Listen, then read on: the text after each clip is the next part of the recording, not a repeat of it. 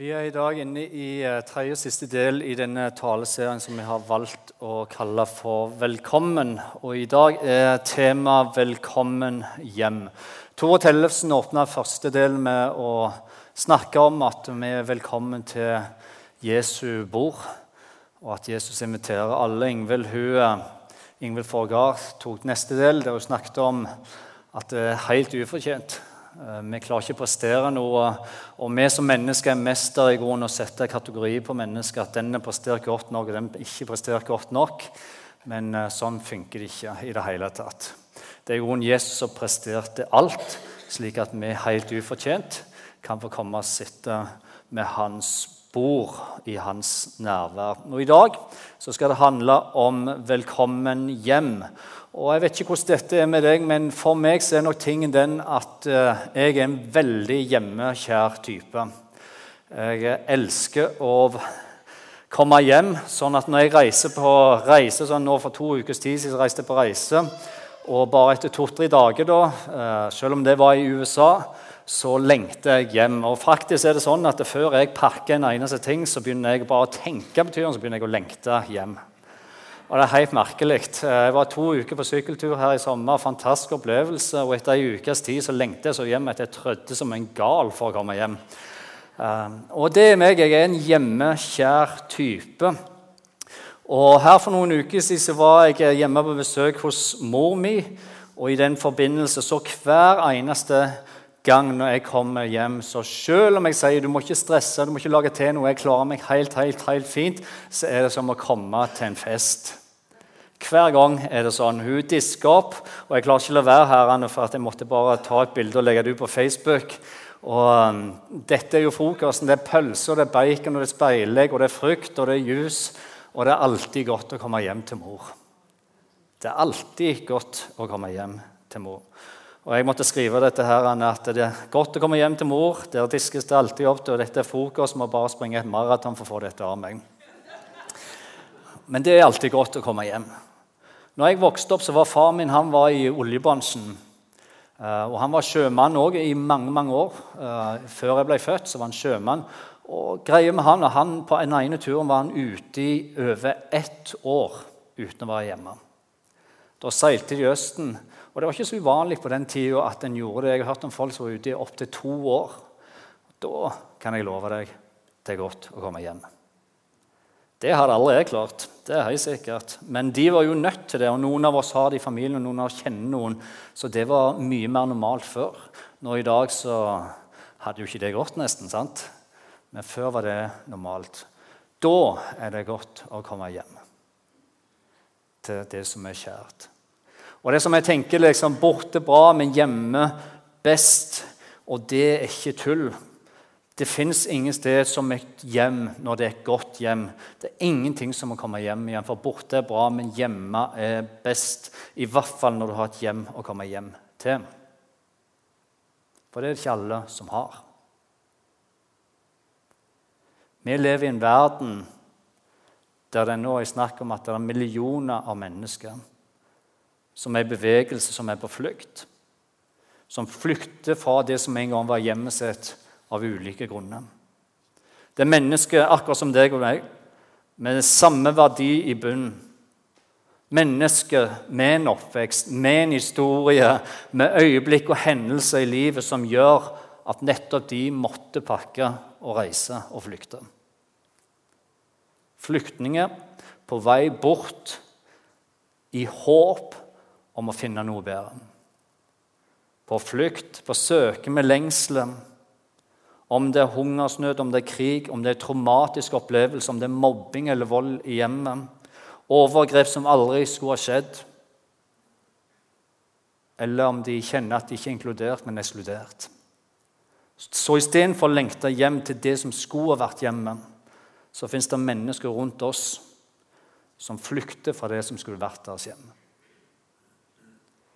Eller kanskje skammen som holder dem borte skyldsfølelsen av å svikte, eller i møte med andre mennesker som forsterker skyldsfølelsen. Så istedenfor å lengte etter det som skulle vært deres hjem, så flykter en, så holder en seg borte. fra det som var hjemmet. I håp om å finne de grunnleggende tingene et hjem skal ha, som en menneske er i behov av, og hva vi trenger. Sånn var det. Jo, alle mennesker trenger trygghet. Alle trenger vi omsorg. Alle trenger vi nestekjærlighet, nærhet, menneskeverd, verdi, inkludert og respektert. Det å kjenne seg verdsatt og elske, det bygger hjem. Det er hjem. Og Da handler det ikke om hvor stort og flott dette hjemmet Det handler ikke om hvor dyr ting er, eller hvor fullstappa kjøleskap, om en har to eller tre biler, eller hvor god senga er å ligge i. Fordi det finnes de som har vokst opp i rike, materialistiske hjem som ikke er lykkelige. Som tenker på et hjem, men det var ikke sånn dette hjemmet er. Og så fins det de som har vokst opp i fattige hjem, som er lykkelige, og som vil si selv om det ikke var mat i kjøleskapet hver eneste dag, så kunne jeg aldri tenkt meg å vokse opp i et annet hjem. De vil ikke bytte med noen. Fordi kjernen i et godt hjem handler ikke om materialistiske verdier, men hva for et hjerte som lever igjennom. Hvilket hjerte er det som lever i hjemmet? Og På samme måte kan vi si det om menigheten og om kirka en tilhører eller om en går til. Fordi det vil aldri handle om ytre fasade. For oss mennesker så har vi dypere behov enn at bygget skal se fint og at lyden er god. og alt dette. Det er bra. Det er bra med flott, stor kafé og ny kafé. Kjempeflott at kirka ser fin ut i ytre. Men hvilket hjerte er det som lever i menigheten? Hvilket hjerte er det som er sentralt i kirka? Og Her er det noen forskjeller ute og går når han er rundt omkring. Men når jeg hører at mennesker sier dette Dette er min menighet. Her tilhører jeg. Her velger jeg å gi meg sjøl. Her ønsker jeg å være til og ønsker å bidra. Da hører jeg dette er mitt hjem. Da har jeg positivt eierskap, et ønske om deltakelse, en grunnleggende holdning som sier dette er min familie. Dette her er mitt hjem. Mens på den andre sida, når jeg hører noen si deres menighet? Eller hva har menigheten tenkt å gjøre med dette? Hvordan skal du fikse det? Da hører jeg distanse. Da hører jeg noen opptre som gjester. Da høres menigheten ut som ei hytte som en besøker av og til, men jeg har ikke tatt fullstendig eierskap i det. En står litt på avstand og betrakter og mener. Da er det ikke et hjem. Som pastor så treffer jeg naturlig nok mennesker i alle slags typer situasjoner. Og en ting som bare blir tydeligere og tydeligere for meg, er det at ethvert eneste menneske har en historie, og det fins en historie bak historien. Det fins en livshistorie, noe en ser, noe en opplever og betrakter. Men bak den historien så fins det alltid en historie til. Men sagt med andre ord det er en grunn til at ting er sånn som de er. Det er som oftest noe bak det, er noe før det jeg ser. Det kan være en sykdom, det kan være sorg, noe som har blitt sagt, noe som har blitt gjort, en følelse av ikke å strekke til, følelse av å bli utelatt, eller det å kjenne seg annerledes og ikke trygg. Men fellesnevneren for oss alle, for alle mennesker, er det den at vi i bunn og grunn lengter etter et sted der vi kan si 'Dette er mitt hjem'. Her er jeg trygg. Her er det godt å være. Her får jeg lov til å være meg sjøl, og her er jeg inkludert. Et sted der en kan si 'Dette er mitt hjem'. Jesus han snakker selv i evangeliene sine om sitt hjem, og han snakker om vårt hjem. og Han snakker om et hjem han omtaler dette som 'min fars hus'. Og Det begynner allerede med Jesus når han er tolvåring. Du kan lese dette i evangeliet, du som ikke har lest det. Og Det står om Jesus når han er tolv år, at han er i tempelet. Far og mor til Jesus, Josef og Maria, de er på leit, og de har lett etter Jesus i tre dager. Og de er nok noe desperate, noe litt sinna kanskje, og litt frustrerte. Og når de endelig finner Jesus, så sier Maria til Jesus, 'Hvor har du vært henne? Vi har vært redde for deg.' Og svaret Jesus gir, er dette. 'Hvorfor lette dere etter meg?' Visste dere ikke at jeg må være i min fars hus? Og Det kan være at Jesus allerede som tolvåring forsto og visste noe om, og han kjente på en tomhet av det å være i fars hus. Noe ikke sånn som det burde være. For når han kom tilbake som voksen og besøker tempelet igjen, og når han kom inn i tempelet, så endte det med en stor rengjøring av tempelet. Der han velta bordet og renste tempelet og jakte selgeren ut fra tempelet. Og han sier dette i det nok ropte høyt. Det står skrevet Mitt hus skal være bønnens hus, men dere har gjort det til ei røverhule. Og Grunnen til at Jesus velter disse bordene, grunnen til at han roper ut dette, her, er fordi de hadde gjort business. De hadde satt opp salgsboder, og de tok betalt for folk som kom langveis fra for å komme inn til Guds hus, til fars hus, til tempelet. Du må betale billett for å komme inn her. Og Jesus fant seg ikke i dem. Og han kosta de av gårde og jakte de bort. For i min fars hus så er det rom for alle mennesker. Og du skal ikke betale en pris for det.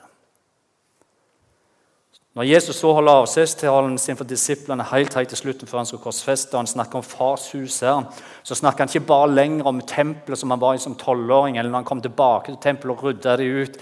og jakte disse på vann. Når han snakker om tempelet nå, om fars hus, så snakker han om en helt annen dimensjon. Og Han flytter de fra dette tempelet i Jerusalem og sier nå snart så er det dere som er mitt tempel.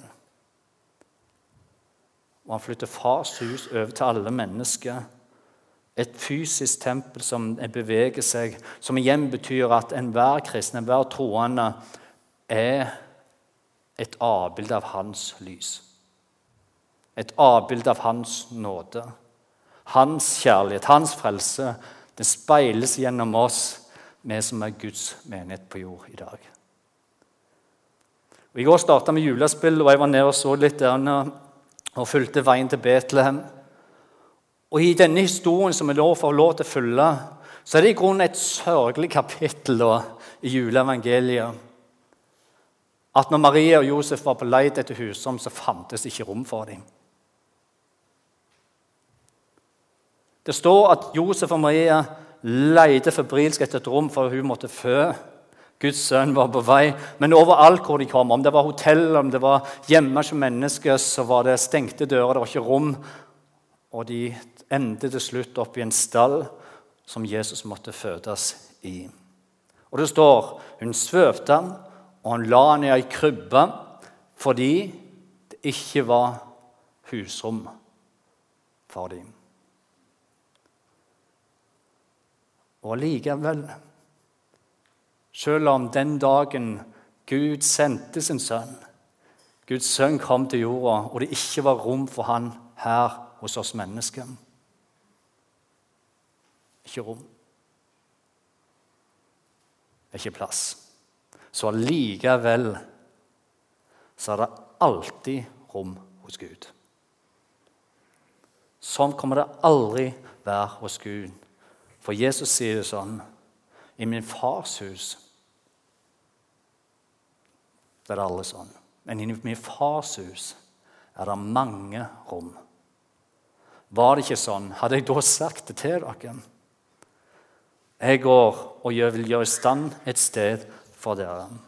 Og det Jesus sier, som vi aldri må glemme dette her, at Gud han har et hjem, han har forberedt et hjem, og det hjemmet det venter på deg. Og jeg, En ting jeg virkelig kan love deg, så er det dette her. Om du noen gang har tenkt deg borte bra, men hjemme best, så er det ingenting i forhold til det hjemmet som venter deg der. Da kan du gange best med ganske mange ganger. I Bibelen Lukas evangeliet 15 så står det en tre fortellinger. og Det er Jesus som forteller disse historiene. og greia i grunnen er at Disse tre historiene her handler om akkurat det samme. Men Jesus velger å fortelle dem tre ganger. Og ikke om du tenkt på det, men Hva er det som gjør at Jesus velger å fortelle dem tre ganger? Jo, dette er så viktig at du aldri må miste. Derfor forteller det ikke bare én gang, jeg forteller ikke bare to ganger, men jeg forteller det tre ganger på rad slik at du aldri skal miste dette. Og Det er den eneste plassen Jesus faktisk forteller tre historier, lignelser, på rad. Den eneste plassen han bruker så mye tid. For dette her, det er viktig å få med. Og Det står dette at alle tollerne og synderne holdt seg nær til Jesus for å høre på ham. Med Utgangspunktet var at de som ikke gikk i kirka, de som ikke hadde et hjem, de som ikke var menige, de begynte å følge etter Jesus. For det var noe med Jesus.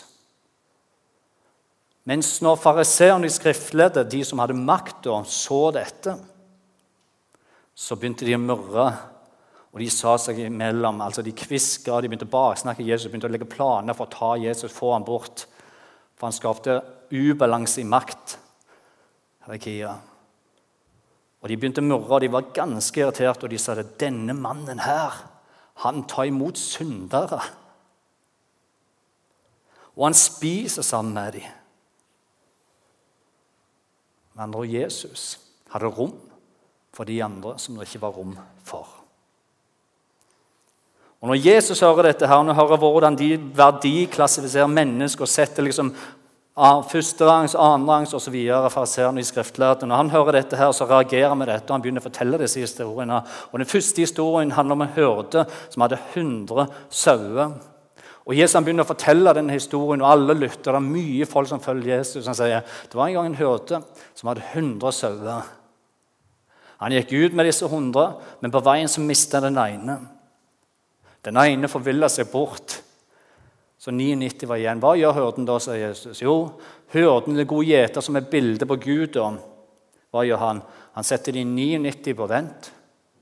Og Så begynner han å lete etter den ene som kom bort. og Han leter, og han går ut i villmark og han leter. Og han gir seg ikke før han finner den, når han finner den ene som er igjen. Hva gjør han da? Og Her må vi ikke gå glipp av jeg vil nesten si det profetiske bildet som Jesus forteller her. For det hyrden gjør her, er at han bøyer seg ned og Han tar sauen, og han løfter opp sauen, og han legger den på skuldrene sine. Og hva gjør Gud videre? Hørten han snur seg, og han går tilbake. Og det er dette her som Jesus gjør Gud når Gud sender sin sønn. Hva er det Gud gjør? Gud bøyer seg ned til oss mennesker. Han sender sin sønn, og han bøyer seg ikke bare ned, men han vil å ta tak i oss, og han løfter oss opp til et nytt liv og en ny framtid. Og hva gjør han da? Han bærer oss hjem til hjemmet. Og han setter søvn inn blant de 100, nei, 99 andre, og det blir 100 igjen. Og Så avslutter Jesus med å si, hva skjer i himmelen da? Jo, når det skjer, at den ene som var borte, kommer hjem igjen, da er det full fest og glede i himmelen. Og jeg vet at Det er litt ulike kulturer her. Afrika er ikke det samme som Norge. Men det er klart, når vi hører at mennesker blir frelst Det kunne vært lov.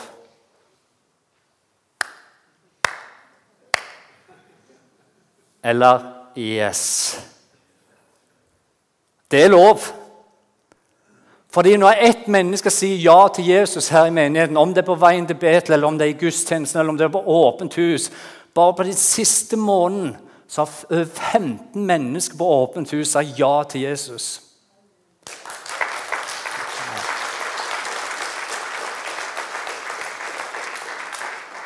Det er fantastisk. Og jeg forventer ikke så mye applaus. Det er jo helt enormt. Vi er jo i Norge tross alt. Ja, Det er veldig bra. Vi har godt av litt feiring. Og Jesus han ser rundt seg, og han ser på fariseerne, han ser på skriftlærde, han ser på tollerne. Det er nok spenning i rommet her. Han er. Huh. De har ikke forstått det ennå. Så Jesus tar en historie til. Og Han begynner å fortelle om denne dama som hadde ti sølvmynter. Og Så mister du den ene sølvmynten. Og så leier du febrilsk, og det står ikke det her, men jeg ser for meg dette bildet.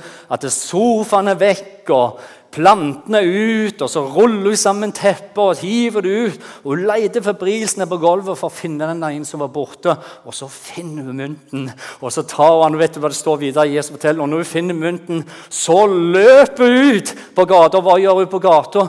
Da roper hun til alle naboer og venner Kom igjen! Nå er det fest! Jeg har funnet den som var borte. Endelig! Og så står det at Jesus sier dette her. Og når det skjer, når den ene som var borte, kommer hjem igjen, hva skjer i himmelen da? Da runger lyden gjennom himmelen. Og det er fest, og det er glede. Og det står at englene lovpriser, og du fryder seg. Og det er det som skjer når mennesker velger å si ja til Jesus. Jeg er på vei hjem. Jeg kommer hjem. Og det står ikke dette, men det tipper at Jesus han ser seg rundt igjen når han ser på fariseerne, han ser på tollerne, han ser på alle. De forstår det ikke ennå. De sitter der som Beklager dette litt jævst, da. Daunakka.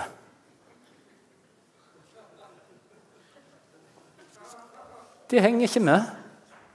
Hva de holder på med. Så Jesus han forteller en historie til. Og nå bare kjører han det langt inn. For nå blir det skikkelig virkelig. Og han forteller om disse to sønnene, her ene faren. Og Den ene sønnen kommer til faren og sier faren som er, eh, har en svær gård, og sønnen får lov til å bo der. Han har alt. Han har alt. Han er så velsigna, han er så heldig, han vet ikke sjøl. Men så en dag så kommer sønnen til faren, og Jesus forteller dette her. Og faren er et bilde på Gud her, og sønnen er et bilde på oss mennesker. Og sønnen sier, 'Far, nå vil jeg ikke ha noe mer med deg å gjøre.' La meg heller bare få arven og alt det gode som du har tenkt å gi meg i dette livet. La meg få ta velsignelsene. La meg få være beskyttet. La meg få alt ifra deg. Men jeg vil ikke ha noe mer med deg å gjøre. Og faren, som er en god far, han gir sønnen alt. Og du vet at Vi forstår nok ikke helt dette her bildet nå i dag, men på den tiden når Jesus fortalte det om en sønn som kom til far sin og sa jeg vil ha ut arven min. Det er det samme som sier, 'Far, du er død for meg'. Og Sønnen går videre, og historien fortsetter. og Jesus forteller at sønnen han bruker på alle pengene, han fester og han horer. Og alt er borte, og han ender opp i fattigdom. Det kommer hungersnød innover landet, og det står at han til slutt havner i en grisebinge. Et forferdelig sted. Dette her ønsker jeg ikke være. Og han må spise grisematen. Og Han sitter og tenker kanskje det var bedre hjemme hos far. Og han reiser seg opp.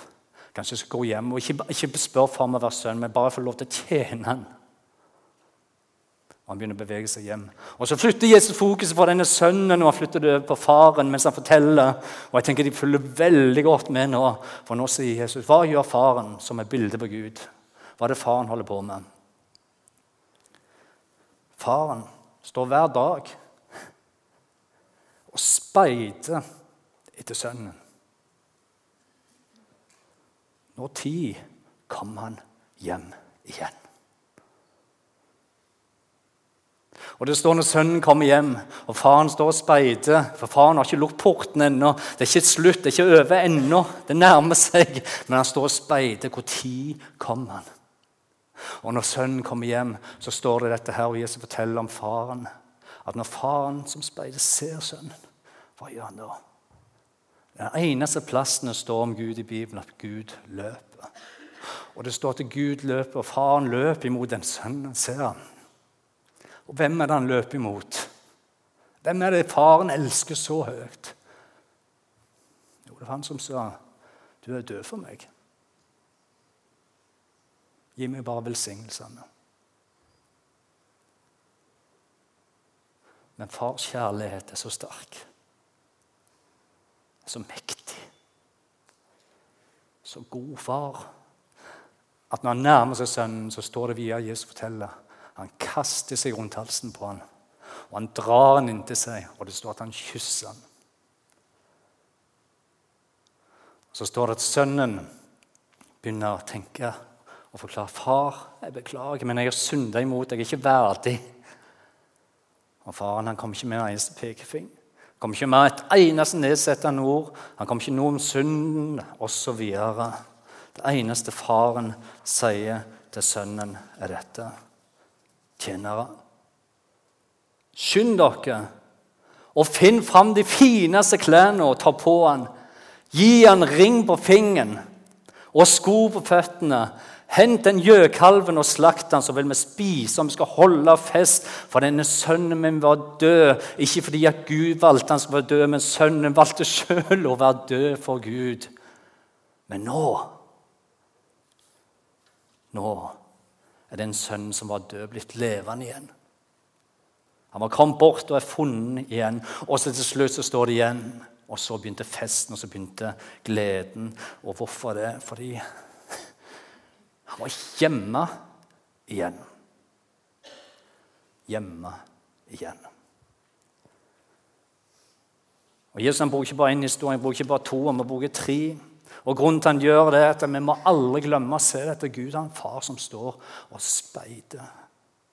Han er et hjem til deg og et hjem til meg. Og en hjem til din bror eller din søster og din familie. Han har et hjem til oss. Spørsmålet Vi som er hans tempel, vi som er hans menighet her, står med og speider som far. Hvilket hjerte er det som lever i hjemmet vårt?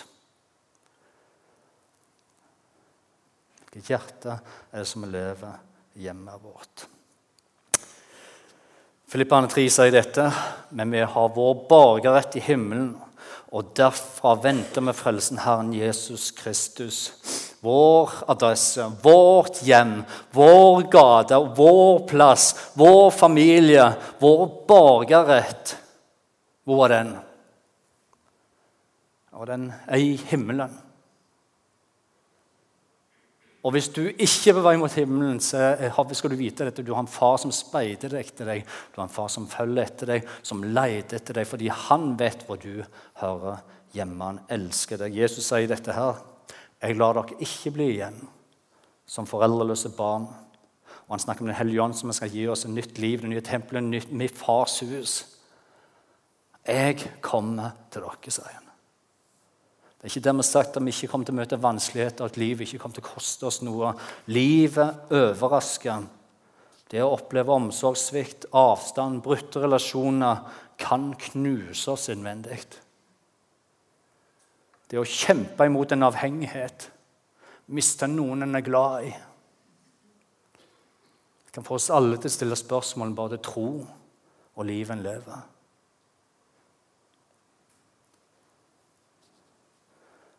Da må vi ikke gi opp. Vi må huske at vi har en familie. Vi har et hjem. Og Den familien og det hjemmet er det, det Gud ønsker at vi skal være for menneskene rundt oss. Amen. Ikke en perfekt menighet, men en menighet som er stadig bevegelse. En menighet som, der du og meg skaper oss et hjem som vi kan si jeg er så glad i dette hjemmet her. Ikke tilskuere. Ikke krav og ikke Nei, investere og invitere til dette hjemmet. Et hjem med et hjerte som inkluderer, som er trygt, som er forutsigbart, som bærer sammen. Et hjem der mennesker får møte Jesus. Et hjem der man når mennesker for Jesus, og vi tjener andre med glede. Amen. Når mennesker for Jesus og tjene andre med glede. Skal vi be sammen til slutt. Gode Far i himmelen, jeg bare takker deg for din grenseløse nåde. Takk for at selv om vi mennesker snur deg ryggen, selv om det ikke er plass, selv om det ikke er husrom se oss, så snur ikke du oss ryggen. Takk for du speider, Og Så lenge det er noe håp, så vil du stå og speide. Så lenge døra ennå er åpen, og det er en evighet til vente, så vil du stå og speide. Takk, gode far, for din nåde ikke måles i våre prestasjoner, men de tingene vi valgte å gjøre, men pga. dine valg så har du en kjærligheten retta mot oss. Takk for du ikke måler oss på vår feil og mangler, men du måler oss på din kjærlighet til oss. Takk, gode far, for det alltid vil handle om hjertet. Om våre hjerter, om menighetens hjerte, og hvor vi er på vei. Takk, Jesus, for du er verdens lys. Den som følger deg, skal ikke vandre i mørket, men ha livets lys. Jeg takker deg for den menighet som du valgte å plante. Jeg takker for den uke med veien til Betlehem. Jeg takker deg for alle disse frøene som sås ut, og menneskene får lov til å møte.